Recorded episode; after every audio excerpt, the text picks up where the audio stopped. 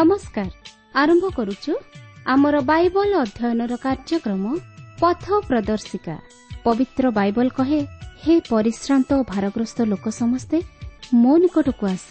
ମୁଁ ତୁମମାନଙ୍କୁ ବିଶ୍ରାମ ଦେବି। ଆସନ୍ତୁ ସେହି ଜୀବନଦାତାଙ୍କର ପରିଚୟ ପାଇ ଜୀବନରେ ବାସ୍ତବ ଶାନ୍ତି ଓ ମୁକ୍ତି ପାଇବା ନିମନ୍ତେ ଶୁଣିବା ବେତାର କାର୍ଯ୍ୟକ୍ରମ ପଥ ପ୍ରଦର୍ଶିକା।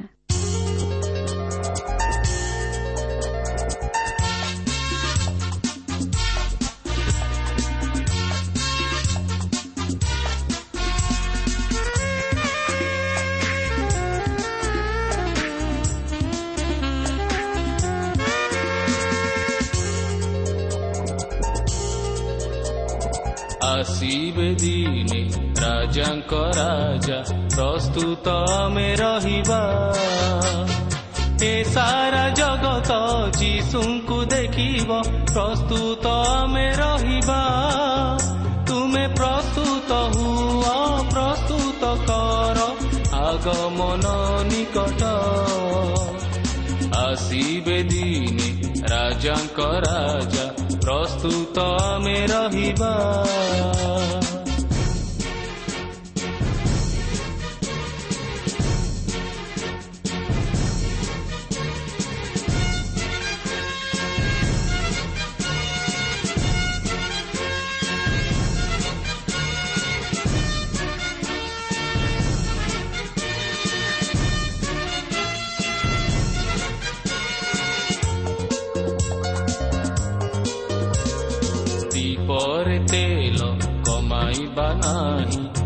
ତୁ ତମେ ରହିବା ଦୀପରେ ତେଲ କମାଇବା ନାହିଁ ପ୍ରସ୍ତୁତ ଆମେ ରହିବା ତୋଡ଼ାକୁ ମାଟିରେ ପୋତିବା ନାହିଁ ପ୍ରସ୍ତୁତ ଆମେ ରହିବା ତୁମେ ପ୍ରସ୍ତୁତ ହୁଅ ପ୍ରସ୍ତୁତ କର ଆଗମନ ନିକଟ ଆସିବେ ଦି ରାଜାଙ୍କ ରାଜା ପ୍ରସ୍ତୁତ ଆମେ ରହିବା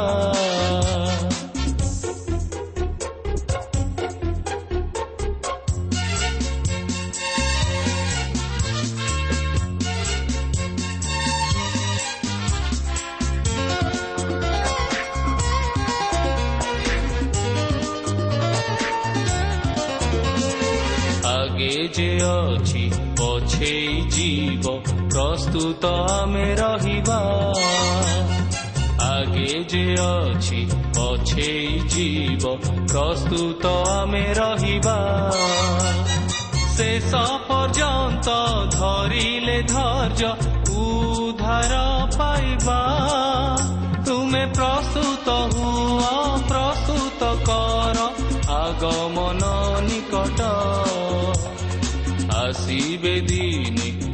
ରାଜାଙ୍କ ରାଜା ପ୍ରସ୍ତୁତ ଆମେ ରହିବା।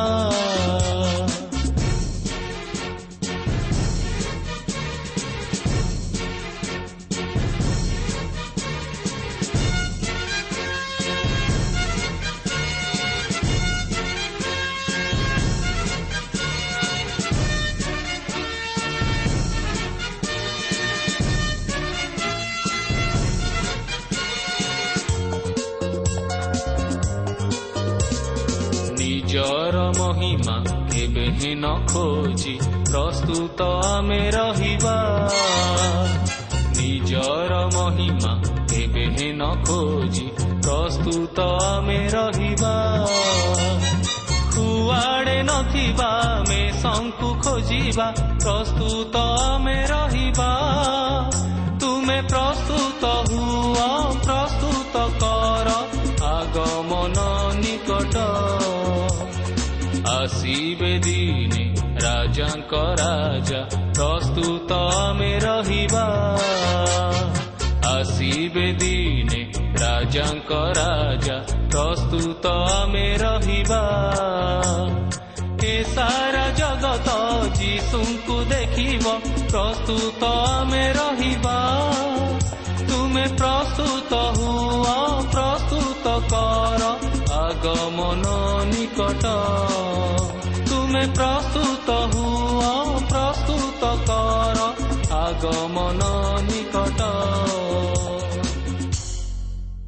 ପ୍ରିୟ ଶ୍ରୋତା ବନ୍ଧୁ ଆମର ପଥ ପ୍ରଦର୍ଶିକା କାର୍ଯ୍ୟକ୍ରମ ତରଫରୁ ଆପଣଙ୍କୁ ହାର୍ଦ୍ଦିକ ପ୍ରୀତି ଶୁଭେଚ୍ଛା ଓ ଅଭିନନ୍ଦନ ଜ୍ଞାପନ କରୁଅଛୁ ପ୍ରଭୁ ଆପଣଙ୍କୁ ଆଶୀର୍ବାଦ କରନ୍ତୁ ଆହୁରି ଆହୁରି ଆତ୍ମିକ ଜୀବନରେ ବର୍ଦ୍ଧିଷ୍ଣୁ କରାନ୍ତୁ ଆପଣଙ୍କର ସହଯୋଗ ତଥା ମତାମତ ନିମନ୍ତେ ମଧ୍ୟ ବିଶେଷ ଧନ୍ୟବାଦ ଆପଣ ଏହି କାର୍ଯ୍ୟକ୍ରମ ନିୟମିତ ଶୁଣିବା ଦ୍ୱାରା ଆତ୍ମିକ ଜୀବନରେ ଉପକୃତ ହୋଇପାରିବେ ଓ ଜୀବନରେ ବାସ୍ତବ ଶାନ୍ତି ଓ ଆନନ୍ଦକୁ ଉପଲବ୍ଧି କରିପାରିବେ କାରଣ ଯେଉଁମାନେ ପ୍ରଭୁ ଯୀଶୁଙ୍କଠାରେ ବିଶ୍ୱାସ କରନ୍ତି ଆଉ ତାହାଙ୍କର ବାକ୍ୟ ଦ୍ୱାରା ତାହାଙ୍କର ନିକଟବର୍ତ୍ତୀ ହୁଅନ୍ତି ସେମାନେ ପ୍ରକୃତରେ ପ୍ରଭୁଙ୍କର ଉପସ୍ଥିତିକୁ ଉପଲବ୍ଧି କରିପାରନ୍ତି ଆଉ ସେମାନେ ପ୍ରଭୁଙ୍କର ଆଶୀର୍ବାଦର ଅଧିକାରୀ ହୋଇପାରନ୍ତି।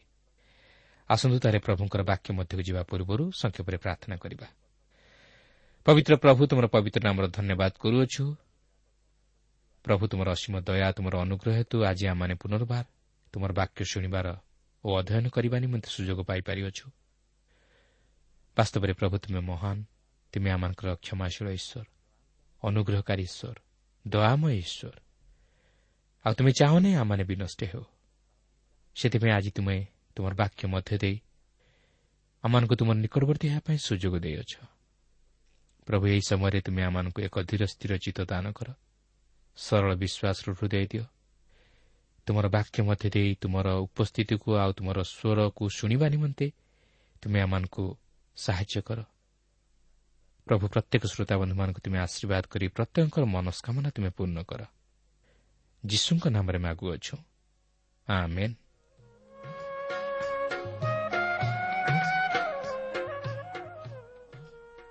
ଆସନ୍ତୁ ତାହେଲେ ବର୍ତ୍ତମାନ ଆମେ ପ୍ରଭୁଙ୍କର ବାକ୍ୟ ମଧ୍ୟକୁ ଯିବା। ଆଜି ଆମେ ଯୌନ ଲିଖିତ ସୁଷମାଚାରର ଚାରିପର୍ବର ପାଞ୍ଚ ପଦରୁ ଆରମ୍ଭ କରି ଚଉଦ ପଦ ପର୍ଯ୍ୟନ୍ତ ଅଧ୍ୟୟନ କରିବା ନିମନ୍ତେ ଯିବା। ଆଜି ଆମେ ସେହି ସମୀରଣିଆ ସ୍ତ୍ରୀ ବିଷୟ ନେଇ କିଛି ଅଧ୍ୟୟନ କରି ତାହା ଆଲୋଚନା କରିବାକୁ ଯିବା ଓ ସେହି ଘଟଣାରୁ ଆମମାନଙ୍କର ଆଧ୍ୟାତ୍ମିକ ଜୀବନ ନିମନ୍ତେ କିଛି ଶିକ୍ଷା ଗ୍ରହଣ କରିବା। ଏଠାରେ ଆପଣଙ୍କୁ ସ୍ମରଣ କରାଇଦିଏ ଯେ ପ୍ରଭୁ ଯୀଶୁ ସେହି ଜିହୁଦା ପ୍ରଦେଶରୁ ସମୀରଣ ମଧ୍ୟ ଦେଇ ଗାଲିଲିକୁ ଯାଉଅଛନ୍ତି ଓ ଏହି ଯାତ୍ରା କରିବା ସମୟରେ ସୁଖାର ନାମକ ସମୀରଣର ନଗରରେ ସେହି ସମୀରଣିଆ ସ୍ତ୍ରୀ ସହିତ ତାହାଙ୍କର ଦେଖା ହେଉଛି ଓ ସେହି ସ୍ତ୍ରୀ ଜୀବନରେ ଏକ ଆଶ୍ଚର୍ଯ୍ୟ ଘଟଣା ଘଟୁଅଛି। ଦେଖନ୍ତୁ ଚାରିପର୍ବର ପାଞ୍ଚ ପଦରେ ଏହିପରି ଲେଖା ଅଛି ତେଣୁ ସେ ଯାଇ ଜାକୁବା ଆପଣା ପୁତ୍ର ଜୋସେଫଙ୍କୁ ଯେଉଁ ଭୂମିଖଣ୍ଡିକ ଦାନ କରିଥିଲେ ସେଥିର ନିକଟବର୍ତ୍ତୀ ସୁଖାର ନାମକ ସମୀରଣର ଗୋଟିଏ ନଗରରେ ପହଞ୍ଚିଲେ। ଏହି ଅଂଶରେ ଆପଣ ଦେଖିବେ ଜୋହନ ଏହି ସ୍ଥାନର ଏକ ଭୌଗୋଳିକ ସ୍ଥିତି ପ୍ରଦାନ କରନ୍ତି। ଆପଣ ଦେଖନ୍ତୁ ଏହି ସ୍ଥାନର ପାଖାପାଖି ଅଞ୍ଚଳରେ ଜୋସେଫଙ୍କର ସମାଧି ଥିଲା ଓ ଏହି ସୁଖାର ନାମକ ନଗରର ଦକ୍ଷିଣ ପାଖରେ ଥିବା ରାସ୍ତା କଡ଼ରେ ଏକ କୂପ ଥିଲା ଯାହାକି ଜାକୁବଙ୍କର କୂପ ଥିଲା। ଏହି ସ୍ଥାନର ଉତ୍ତର ପଶ୍ଚିମ ପାର୍ଶ୍ୱରେ ଗରିସିମ୍ ପର୍ବତ ଥିଲା ଓ ଏହି ଗରିସିମ୍ ପର୍ବତର ଗଡ଼ାଣିଆ ସ୍ଥାନରେ ସମୀରଣୀୟ ମାନଙ୍କର ସମାଜ ଗୃହ ଥିଲା। ତେବେ ସେ ଯାହା ହେଉନା କାହିଁକି ଏହିପରି ଏକ ସ୍ଥାନରେ ଯୀଶୁଙ୍କର ସେହି ସମୀରଣିଆ ସ୍ତ୍ରୀ ସହିତ ସାକ୍ଷାତ ହୋଇଛି। ଚାରିପର୍ବର ଛଅ ପଦରେ ଲେଖା ଅଛି ସେହି ସ୍ଥାନରେ ଜାକୁବଙ୍କ କୂପ ଥିଲା ଅତେବ ଯୀଶୁ ପଥଶ୍ରାନ୍ତ ହୋଇଥିବାରୁ ସେହି କୂପ ନିକଟରେ ବସି ପଡ଼ିଲେ ସେତେବେଳେ ସନ୍ଧ୍ୟା ପ୍ରାୟ ଛଅ ଘଣ୍ଟା ହୋଇଥିଲା। ଏହି ଅଂଶରେ ଆପଣ ଦେଖିବେ ସନ୍ଧ୍ୟା ସମୟ ବୋଲି ଲେଖା ଅଛି। କାରଣ ରୋମିଓମାନଙ୍କ ସମୟ ଗଣନା ଅନୁଯାୟୀ ଏହି ଛଅ ଘଣ୍ଟା ସନ୍ଧ୍ୟା ଛଅ ଘଣ୍ଟା ସମୟ ବୋଲି ଧରାଯାଇପାରେ ମାତ୍ର ଜିହୁଦୀମାନଙ୍କର ସମୟ ଗଣନା ଅନୁଯାୟୀ ଏହି ଛଅ ଘଣ୍ଟା ମଧ୍ୟାହ୍ନ ସମୟ ବୋଲି ଧରାଯାଏ। ଅର୍ଥାତ୍ ଦିନ ବାର ଘଣ୍ଟା ସମୟ ବୋଲି ଧରାଯାଏ। କିନ୍ତୁ ଏଠାରେ ଆମେ ଜୁହୁଦୀମାନଙ୍କର ସମୟକୁ ନେଇ ହିସାବ କରୁଥିବାରୁ ଏହା ଦିନ ବାର ଘଣ୍ଟା ସମୟ ବୋଲି ଧରାଯାଏ। କାରଣ ଜୁହୁଦୀମାନେ ସକାଳ ଛଅ ଘଣ୍ଟାଠାରୁ ସନ୍ଧ୍ୟା ଛଅ ଘଣ୍ଟା ପର୍ଯ୍ୟନ୍ତ ଏକ ଦିନର ଗଣନା କରନ୍ତି। ତେଣୁ ସକାଳ ଛଅ ଘଣ୍ଟାଠାରୁ ଦିବା ବାର ଘଣ୍ଟା ପର୍ଯ୍ୟନ୍ତ ଛଅ ଘଣ୍ଟା ହୁଏ। ତେଣୁ ଛଅ ଘଣ୍ଟା ସମୟ ଦିବା ବା ମଧ୍ୟାହ୍ନ ବାର ଘଣ୍ଟାକୁ ଦର୍ଶାଏ।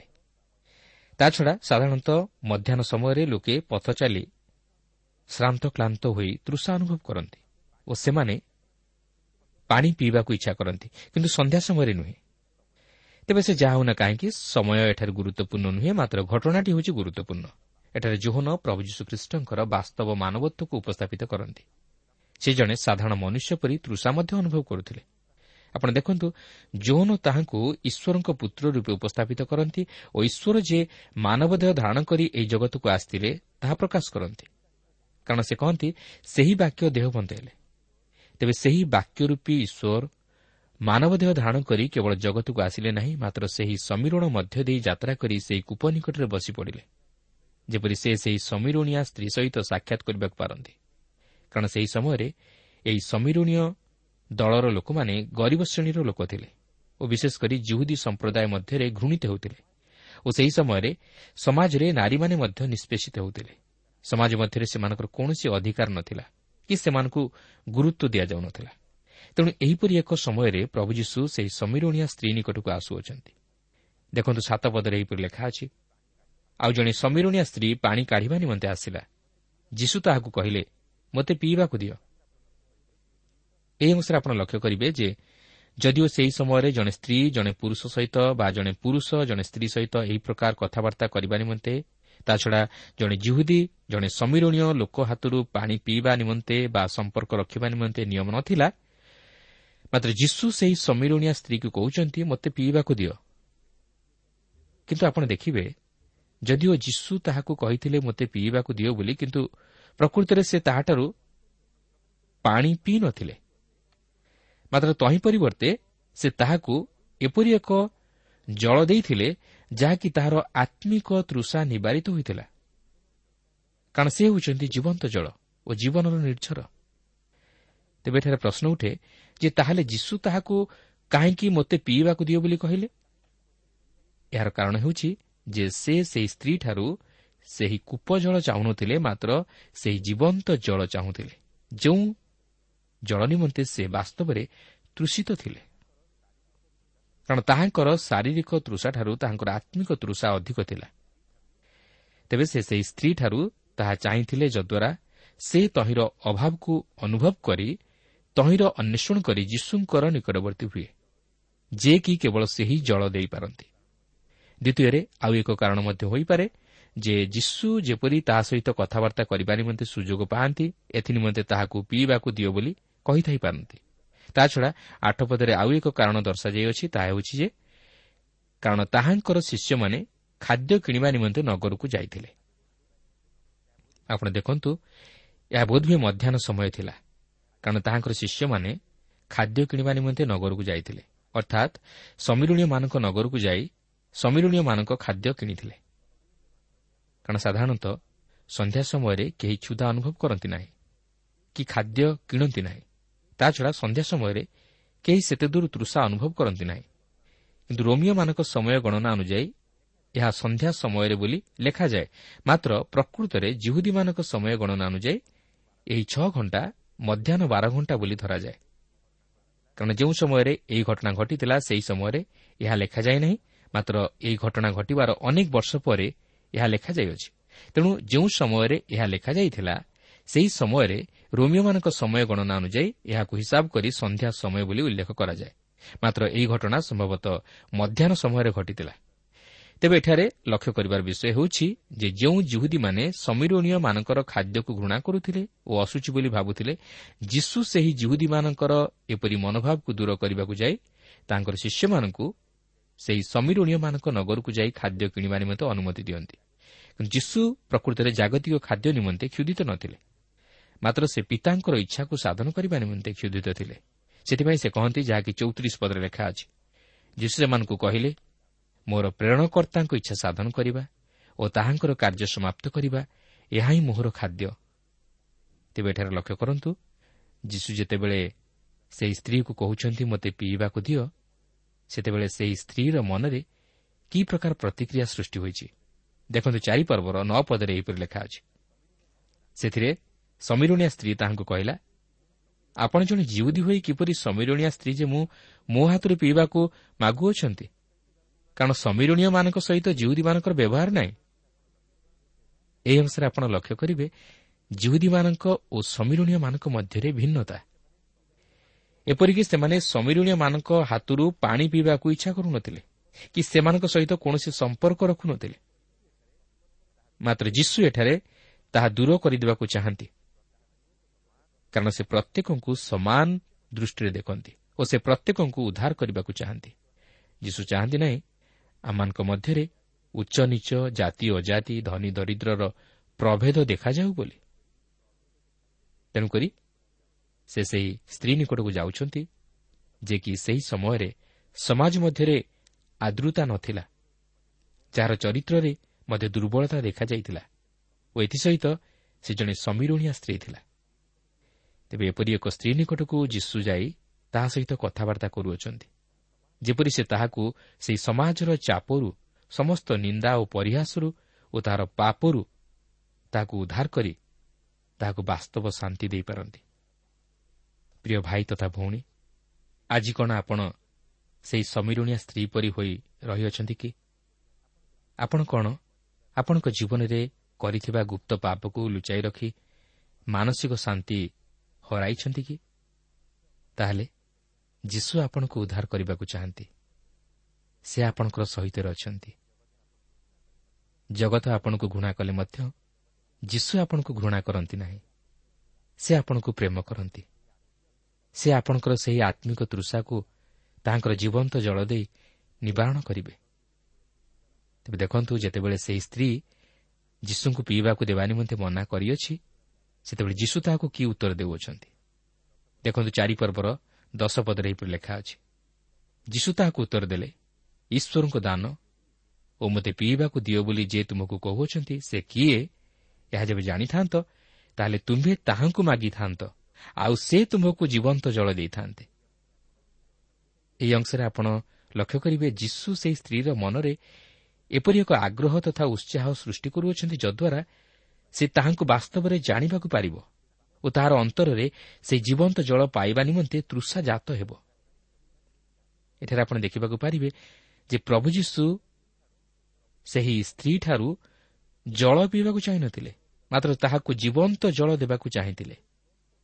କିନ୍ତୁ ସେ ସେହି ସ୍ତ୍ରୀକୁ ମୋତେ ପିଇବାକୁ ଦିଅ ବୋଲି କହିବା ଦ୍ୱାରା ତାହାକୁ ତାହାଙ୍କର ପରିଚୟ ଦେବା ପାଇଁ ଚାହିଁଥିଲେ ଯେପରି ସେ ତାହାଙ୍କୁ ବାସ୍ତବରେ ଚିହ୍ନିବାକୁ ପାରେ। ତେବେ ଦେଖନ୍ତୁ ସେହି ସ୍ତ୍ରୀ ତାହାଙ୍କୁ କି ଉତ୍ତର ଦେଉଛି। ଏଗାର ବାର ପଦରେ ଲେଖା ଅଛି। ସେହି ସ୍ତ୍ରୀ ଲୋକ ତାହାଙ୍କୁ କହିଲା ମହାଶୟ ଜଳ କାଢ଼ିବା ନିମନ୍ତେ ଆପଣଙ୍କ ନିକଟରେ କୌଣସି ପାତ୍ର ନାହିଁ। ପୁଣି କୂଅ ତ ଗଭୀର? ତେବେ ଆପଣ କେଉଁଠାରୁ ସେହି ଜୀବନ୍ତ ଜଳ ପାଇଅଛନ୍ତି? ଆମ୍ଭମାନଙ୍କର ଯେଉଁ ପିତୃପୁରୁଷ ଜାକୁବ ଆମମାନଙ୍କୁ ଏହି କୂଅ ଦେଇଥିଲେ ଆଉ ଆପେ ପୁଣି ତାହାଙ୍କ ପୁତ୍ରମାନେ ଓ ପଶୁପଲ ଏଥିରୁ ପାନ କରିଥିଲେ ତାହାଙ୍କଠାରୁ କି ଆପଣ ଶ୍ରେଷ୍ଠ? ଏଠାରେ ଆପଣ ଲକ୍ଷ୍ୟ କରିବେ ସେହି ସ୍ତ୍ରୀ ଲୋକଟି ନିଜକୁ ଜାକୁବଙ୍କ ବଂଶଧରଙ୍କ ସହିତ ପରିଚିତ କରାଉଅଛି।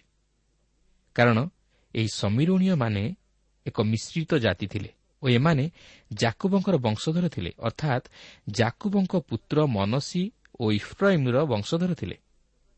କିନ୍ତୁ ଯେତେବେଳେ ଖ୍ରୀଷ୍ଟପୂର୍ବ ସାତଶହ ଏକୋଇଶରେ ଏହି ସମରିଆ ବା ସମୀରଣ ଏସିରିୟମାନଙ୍କ ଦ୍ୱାରା ଅଧିକୃତ ହୋଇ ଇସ୍ରାଏଲ୍ ଲୋକମାନେ ବାବିଲୋନ୍କୁ ନିର୍ବାଚିତ ହୋଇଗଲେ ସେହି ସମୟରେ ଯେଉଁ ଅବଶିଷ୍ଟ ଇସ୍ରାଏଲ୍ ଲୋକମାନେ ସମରିଆରେ ରହିଥିଲେ ସେମାନଙ୍କ ସହିତ ଅନେକ ବିଦେଶୀୟମାନେ ଏପରିକି ଏସିରିୟମାନେ ନିଜ ନିଜ ଭିତରେ ବିବାହ କରି ସେହି ସମରିଆ ବା ସମୀରଣ ନଗରରେ ବସବାସ କଲେ ଓ ନିଜକୁ ସମୀରଣୀୟ ବୋଲି ନାମିତ କଲେ ଯାହାକି ଆପଣ ପୁରାତନ ନିୟମରେ ଦ୍ୱିତୀୟ ରାଜାବଳୀ ପୁସ୍ତକ ତହିଁର ସତର ପର୍ବର ଚବିଶ ଓ ପଚିଶ ପଦରେ ବର୍ଣ୍ଣିତ ହୋଇଥିବାର ଦେଖିବାକୁ ପାରିବେ। କିନ୍ତୁ ସେମାନେ ଈଶ୍ୱରଙ୍କୁ ଭୟ କଲେ ନାହିଁ ତେଣୁ ଏହିପରି ଏକ ପରିସ୍ଥିତିରେ ଈଶ୍ୱର ସେମାନଙ୍କ ମଧ୍ୟକୁ ସିଂହକଣ ପଠାଇଲେ ଓ ସିଂହମାନେ ଲୋକମାନଙ୍କ ମଧ୍ୟରୁ କେତେକଙ୍କୁ ବଧ କଲେ। ତେଣୁ ସେମାନେ ଏସିଡିଓମାନଙ୍କ ନିକଟକୁ କହି ପଠାଇଲେ ସେମାନଙ୍କ ମଧ୍ୟକୁ ଜଣେ ଯାଜକଙ୍କୁ ପଠାଇବା ପାଇଁ ଯେଉଁ ଯାଜକମାନଙ୍କୁ କି ସେମାନେ ବନ୍ଦୀ କରି ନେଇଯାଇଥିଲେ। ଯେପରି ସେ ଆସି ସେମାନଙ୍କୁ ଈଶ୍ୱରଙ୍କ ସମସ୍ତ ବିଧିବିଧାନ ଶିକ୍ଷା ଦେଇ ସେମାନଙ୍କୁ ଈଶ୍ୱରଙ୍କର ବିଷୟରେ ଶିକ୍ଷା ଦିଅନ୍ତି। ଯାହାକି ଦ୍ୱିତୀୟ ରାଜାବଳୀ ସତର ପର୍ବର ସତେଇଶ ପଦରେ ଲେଖା ଅଛି। ତେଣୁ ସେହି ସମୟଠାରୁ ସମୀରଣୀୟମାନେ ଇସ୍ରାଏଲ୍ର ଈଶ୍ୱରଙ୍କର ଉପାସନା କରିବାକୁ ଲାଗିଲେ। କିନ୍ତୁ ଏଥିସହିତ ମଧ୍ୟ ସେମାନେ ବିଦେଶୀୟ ଦେବତାମାନଙ୍କୁ ପୂଜା କରିବାକୁ ଲାଗିଲେ ଯାହାକି ସେହି ସତର ପର୍ବର ଅଣତିରିଶ ପଦରେ ଲେଖା ଅଛି। ତେବେ ଏ ହେଲା ସମୀରଣୀୟମାନଙ୍କର ପୃଷ୍ଠଭୂମି। ତେଣୁକରି ସେମାନଙ୍କୁ ମିଶ୍ରିତ ଜାତି ବୋଲି କୁହାଯାଏ। ମାତ୍ର ପ୍ରକୃତରେ ଦେଖିବାକୁ ଗଲେ ସେମାନେ ଜାକୁବଙ୍କର ବଂଶଧର ଥିଲେ। କିନ୍ତୁ ଏଠାରେ ଲକ୍ଷ୍ୟ କରିବେ ଯେ ସେହି ସ୍ତ୍ରୀ ଲୋକଟି ଯୀଶୁଙ୍କୁ ମହାଶୟ ବୋଲି ସମ୍ବୋଧନ କରୁଅଛି ଯାହାକି ସେ ଏଥିପୂର୍ବରୁ କରିପାରି ନଥିଲା କିନ୍ତୁ ସେ ବାସ୍ତବରେ ସେହି ଜଳ କ'ଣ ତାହା ଜାଣିପାରୁନାହିଁ। ମାତ୍ର କେବଳ ସେହି କୂପଜଳ ବିଷୟରେ ଚିନ୍ତା କରୁଛି। ଓ ଯୀଶୁ ଯେ ବାସ୍ତବରେ ତାହାର ପିତୃପୁରୁଷ ଜାକୁବଙ୍କଠାରୁ ମହାନ ତାହା ସେ ବିଶ୍ୱାସ କରିପାରୁନାହିଁ। ତେବେ ଦେଖନ୍ତୁ ଯୀଶୁ ତାହାକୁ କି ଉତ୍ତର ଦେଉଛନ୍ତି? ଜୋନ ଚାରି ପର୍ବର ତେର ଓ ଚଉଦ ପଦରେ ଲେଖା ଅଛି ଯୀଶୁ ତାହାକୁ ଉତ୍ତର ଦେଲେ ଯେ କେହି ଏହି ଜଳ ପାନ କରେ ସେ ପୁନର୍ବାର ତୃଷିତ ହେବ। କିନ୍ତୁ ମୁଁ ଯେଉଁ ଜଳ ଦେବି ତାହା ଯେ କେହି ପାନ କରିବ ସେ କେବେ ହିଁ ତୃଷାର୍ଥ ହେବ ନାହିଁ। ବରଂ ମୁଁ ତାହାକୁ ଯେଉଁ ଜଳ ଦେବି ତାହା ଅନନ୍ତ ଜୀବନଦାୟକ ଜଳର ନିର୍ଝର ସ୍ୱରୂପେ ତାହାଠାରେ ଉଛୁଳି ଉଠୁଥିବ। ଏହି ଅଂଶରେ ଯୀଶୁ ପରିଷ୍କାର ଭାବେ ସେହି ସ୍ତ୍ରୀକୁ ଜଣାଇ ଦେବାକୁ ଚାହାନ୍ତି ଯେ ସେ ସେହି ଜାକୁବଙ୍କର କୂପଜଳ ବିଷୟରେ କହନ୍ତି ନାହିଁ ବରଂ ସେ ଏହିପରି ଏକ ଜଳ ବିଷୟରେ କହନ୍ତି ଅନନ୍ତ ଜୀବନଦାୟକ ଜଳ। ଏହା ଏକ ଆତ୍ମିକ ଜଳ। ଯେଉଁ ଜଳ ପାନ କରିବା ଦ୍ୱାରା ଆତ୍ମିକ ତୃଷା ନିବାରିତ ହୁଏ। ତେବେ ଏହି ଜଳ କେବଳ ଯେ ଯୀଶୁଙ୍କ ନିକଟରେ ଅଛି ଓ ଯୀଶୁ ତାହା ଦେଇପାରନ୍ତି ତାହା ଯୀଶୁ ନିଜେ ପ୍ରକାଶ କରନ୍ତି। ପ୍ରିୟ ବନ୍ଧୁ ଆଜି କ'ଣ ଆମ ଜୀବନରେ ଆମେ ସେହି ଆତ୍ମିକ ଜଳ ପ୍ରାପ୍ତ ହୋଇପାରିଛୁ କି? ସେହି ଜଳ କ'ଣ ଆଜି ଆମ ଜୀବନରେ ସ୍ରୋତ ରୂପେ ପ୍ରବାହିତ ହେଉଛି କି? ହଁ ବଞ୍ଚି ରହିବାକୁ ହେଲେ ଶାରୀରିକ ଜଳର ଯେପରି ପ୍ରୟୋଜନୀୟତା ରହିଅଛି ଠିକ୍ ସେହିପରି ଆତ୍ମିକ ଜୀବନରେ ବଞ୍ଚି ରହିବାକୁ ହେଲେ ଆତ୍ମିକ ଜଳର ମଧ୍ୟ ପ୍ରୟୋଜନୀୟତା ରହିଅଛି। କିନ୍ତୁ ସେହି ଜଳ କେତେବେଳେ ଆମ ଜୀବନରେ ପ୍ରବାହିତ ହେବ? ଯେତେବେଳେ ଆମେ ଯୀଶୁଙ୍କର ନିକଟବର୍ତ୍ତୀ ହୋଇ ତାହାଙ୍କୁ ଆମ ହୃଦୟରେ ଗ୍ରହଣ କରିବା। କାରଣ ସେ ତାହା ଦେବେ ବୋଲି ମଧ୍ୟ ତାହାଙ୍କ ବାକ୍ୟରେ ପ୍ରତିଜ୍ଞା କରିଅଛନ୍ତି ଯାହାକି ଆପଣ ପ୍ରକାଶିତ ବାକ୍ୟ ଏକୋଇଶ ପର୍ବର ଛଅ ପଦରେ ଦେଖିବାକୁ ପାରିବେ। ଦେଖନ୍ତୁ ଏଠାରେ ଏହିପରି ଲେଖା ଅଛି ଯେ ତୃଷାର୍ଥ ତାହାକୁ ଆମେ ଜୀବନ ରୂପ ନିର୍ଝରରୁ ବିନା ମୂଲ୍ୟରେ ପାନ କରିବାକୁ ଦେବୁ। ଏଥିସହିତ ପୁରାତନ ନିୟମର ଜିସାଏ ପୁସ୍ତକ ପଞ୍ଚାବନ ପର୍ବର ପ୍ରଥମ ପଦରେ ଏହିପରି ଲେଖା ଅଛି ହେ ତୃଷିତ ଲୋକ ସକଳ ତୁମେମାନେ ଜଳ ନିକଟକୁ ଆସ ପୁଣି ଯାହାର କିଛି ଅର୍ଥ ନାହିଁ ସେ ଆସୁ। ତୁମେମାନେ ଆସ କିଣ ଓ ଭୋଜନ କର। ହଁ ଆସ। ଅର୍ଥ ଓ ମୂଲ୍ୟ ବିନା ଦ୍ରାକ୍ଷାରସ ଓ ଦୁଗ୍ଧ କିଣ। କିନ୍ତୁ ଦୁଃଖର ବିଷୟ ଆଜି ଆମେ ସେହି କ୍ଷୁଧା ଓ ତୃଷାକୁ ଉପଲବ୍ଧି କରିପାରିନାହୁଁ। ଆଜି ଆମମାନଙ୍କର ସେହି ଆତ୍ମିକ ତୃଷା ନାହିଁ। ଆଜି ଆମେ ସେହି ଅନନ୍ତ ଜୀବନଦାୟକ ଜଳକୁ ପାଇବାକୁ ଚାହୁଁନା। ଯେହେତୁ ସେହି ଆତ୍ମିକ ଜୀବନ ନିମନ୍ତେ ଆମେ ତୃଷିତ ନୁହୁଁ। ଆଜି ଆମେ ସେହି ପରିତ୍ରାଣ ରୂପକ ଜଳ ପାନ କରିବାକୁ ଚାହୁଁନା। କିନ୍ତୁ ଈଶ୍ୱର ତାହା ଦେବେ ବୋଲି ପ୍ରତିଜ୍ଞା କରିଅଛନ୍ତି। ଦେଖନ୍ତୁ ଜିସାୟ ବାର ପର୍ବର ତିନି ପଦରେ ଲେଖା ଅଛି ଏହେତୁ ତୁମେମାନେ ଆନନ୍ଦରେ ପରିତ୍ରାଣର କୂପ ସମୂହରୁ ଜଳ କାଢ଼ିବ। ପ୍ରିୟ ବନ୍ଧୁ ଆଜି ଯଦି ଆମେ ନିଜକୁ ପାପି ବୋଲି ଚିହ୍ନିବାକୁ ଚେଷ୍ଟା କରୁ ତାହେଲେ ଆମେ ସେହି ପରିତ୍ରାଣର କୂପ ସମୂହକୁ ଖୋଜିବା ନିମନ୍ତେ ଚେଷ୍ଟା କରିବା।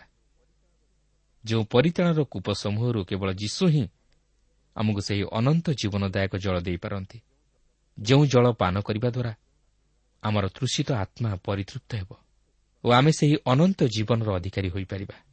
ତେଣୁ ନିଜର ଆତ୍ମିକ ତୃଷାର ନିବାରଣ ନିମନ୍ତେ ଜଗତର କୌଣସି ମନୁଷ୍ୟ ନିକଟକୁ ବା ସାଧୁ ସନ୍ନ୍ୟାସୀ ନିକଟକୁ ଯାଆନ୍ତୁ ନାହିଁ ମାତ୍ର ଯୀଶୁଙ୍କ ନିକଟକୁ ଯାଆନ୍ତୁ ଯେ କିଏ ଆପଣଙ୍କୁ ସେହି ପରିତ୍ରାଣର କୂପରୁ ସେହି ଅନନ୍ତ ଜୀବନଦାୟକ ଜଳ ଦେଇ ଆପଣଙ୍କର ତୃଷିତ ଆତ୍ମାକୁ ପରିତୃପ୍ତ କରାଇବେ କାରଣ ସେ ତାହା ଦେବା ପାଇଁ ପ୍ରତିଜ୍ଞା କରିଅଛନ୍ତି।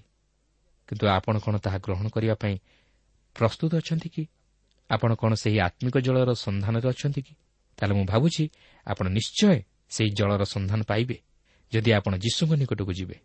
ପ୍ରିୟ ବନ୍ଧୁ ଆପଣ ଯେ କେହି ହୁଅନ୍ତୁ ନା କାହିଁକି ମାତ୍ର ଯୀଶୁ ଆପଣଙ୍କୁ ପ୍ରେମ କରନ୍ତି ଓ ସେ ଆପଣଙ୍କୁ ଉଦ୍ଧାର କରି ସେହି ପରିତାଣର କୂପରୁ ସେହି ଅନନ୍ତ ଜୀବନଦାୟକ ଜଳ ଦେବାକୁ ଚାହାନ୍ତି। କିନ୍ତୁ ଆପଣ କ'ଣ ତାହାଙ୍କ ନିକଟକୁ ଯାଇ ତାହାଙ୍କୁ ମାଗିବାକୁ ଚାହାନ୍ତି କି? ଯଦି ଚାହାନ୍ତି ତାହେଲେ ଆଜି ହିଁ ତାହା କରନ୍ତୁ। ଆଜି ହିଁ ପ୍ରଭୁ ଯୀଶୁଙ୍କ ନିକଟକୁ ଯାଆନ୍ତୁ। କୁହନ୍ତୁ ପ୍ରଭୁ ମୋତେ ସେହି ଜୀବନଦାୟକ ଜଳ ଦିଅନ୍ତୁ। ମୋତେ ସେହି ଜଳ ଦିଅନ୍ତୁ ଯେପରି ମୋର ତୃଷିତ ଆତ୍ମାକୁ ମୁଁ ପରିତୃପ୍ତ କରିପାରିବି।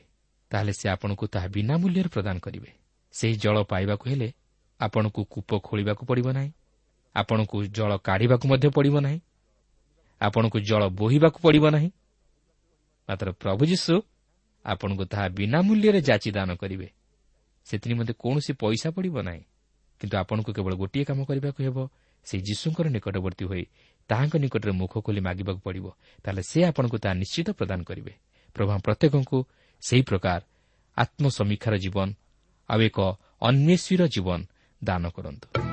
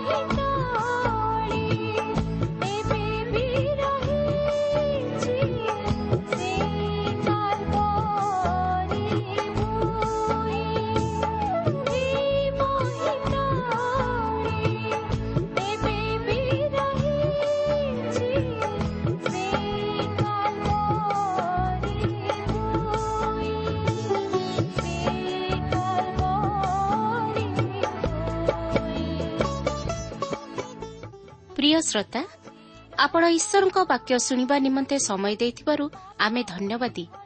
ଆପଣ ଯଦି ପ୍ରଭୁ ଯୀଶୁଙ୍କର ବାକ୍ୟ ବିଷୟରେ ଓ ତାହାଙ୍କର ପ୍ରେମ ବିଷୟରେ ଅଧିକ ଜାଣିବାକୁ ଚାହାନ୍ତି ଯାହାକି ଆପଣଙ୍କୁ ପାପରୁ ଉଦ୍ଧାର ପାଇବା ନିମନ୍ତେ ପଥ ଦେଖାଇବ ତାହେଲେ ଆମ ସହିତ ପତ୍ର ମାଧ୍ୟମରେ ଅଥବା ଟେଲିଫୋନ୍ ଯୋଗେ ଯୋଗାଯୋଗ କରନ୍ତୁ। ଆମର ଠିକଣା ପଥ ପ୍ରଦର୍ଶିକା Trans World Radio India post box number ତିନି ତିନି ଭୁବନେଶ୍ୱର ସାତ ପାଞ୍ଚ ଏକ ଶୂନ ଶୂନ ଏକ ଟେଲିଫୋନ୍ ନମ୍ବର ଶୂନ ଛଅ ସାତ ଚାରି ଦୁଇ ତିନି ଶୂନ ଶୂନ ତିନି ତିନି ପାଞ୍ଚ ଠିକଣାଟି ଆଉଥରେ ଶୁଣନ୍ତୁ। ପଥ ପ୍ରଦର୍ଶିକା Trans World Radio India post box number three three Bhubaneswar seven five one zero zero one telephone number zero six seven four two three zero zero three three five ଆମର ଇମେଲ୍ ଆଡ୍ରେସ୍ଟି ଲେଖି ରଖନ୍ତୁ Odia TTV at radio eight eight two dot com. ତେବେ ଆଜି ପାଇଁ ଏଇଠାରେ ରଖୁଛୁ। ପ୍ରଭୁ ଯୀଶୁ ଆପଣଙ୍କୁ ଆଶୀର୍ବାଦ କରନ୍ତୁ। ନମସ୍କାର।